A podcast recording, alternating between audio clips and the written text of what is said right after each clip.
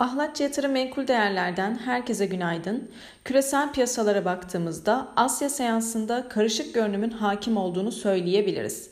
Amerika vadelerinde hafif pozitif bir açılış görülürken VIX korku endeksi 20 seviyelerinden fiyatlanıyor. Dolayısıyla küresel piyasalarda e, risk iştahının devam ettiğini söylemek mümkün.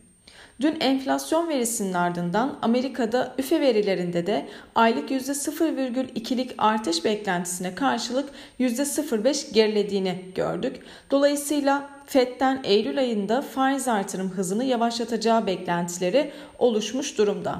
Amerika 10 yıllıkları %2,88 seviyesine gerilerken Piyasa fiyatlamalarında Eylül ayında FED'den 50 bas puanlık bir faiz artırımı beklentisi oluşmuş durumda.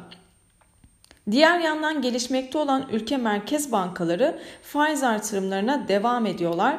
Meksika ve Arjantin merkez bankaları sırasıyla 75 bas puan ve 950 bas puan artış gerçekleştirdiler. Buna rağmen söz konusu ülkelerde enflasyondaki yüksek seyir devam ediyor diyebiliriz. Yurt içi gelişmelere baktığımızda dün Türkiye Cumhuriyet Merkez Bankası tarafından cari açık dengesi açıklanmıştı.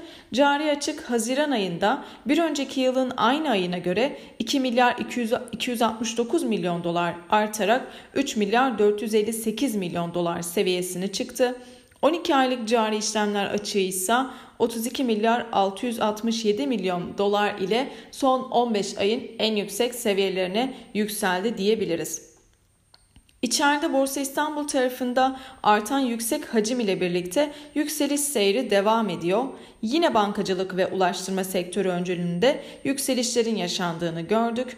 Bugün yurt içerisinde sanayi üretimi ve perakende satışları verisi takip edilecek edilecekken yurt dışındaysa Euro bölgesi sanayi üretimi ve Amerika'da Michigan tüketici güven verisi takip edilecek. Herkese bol kazançlı güzel bir gün dilerim.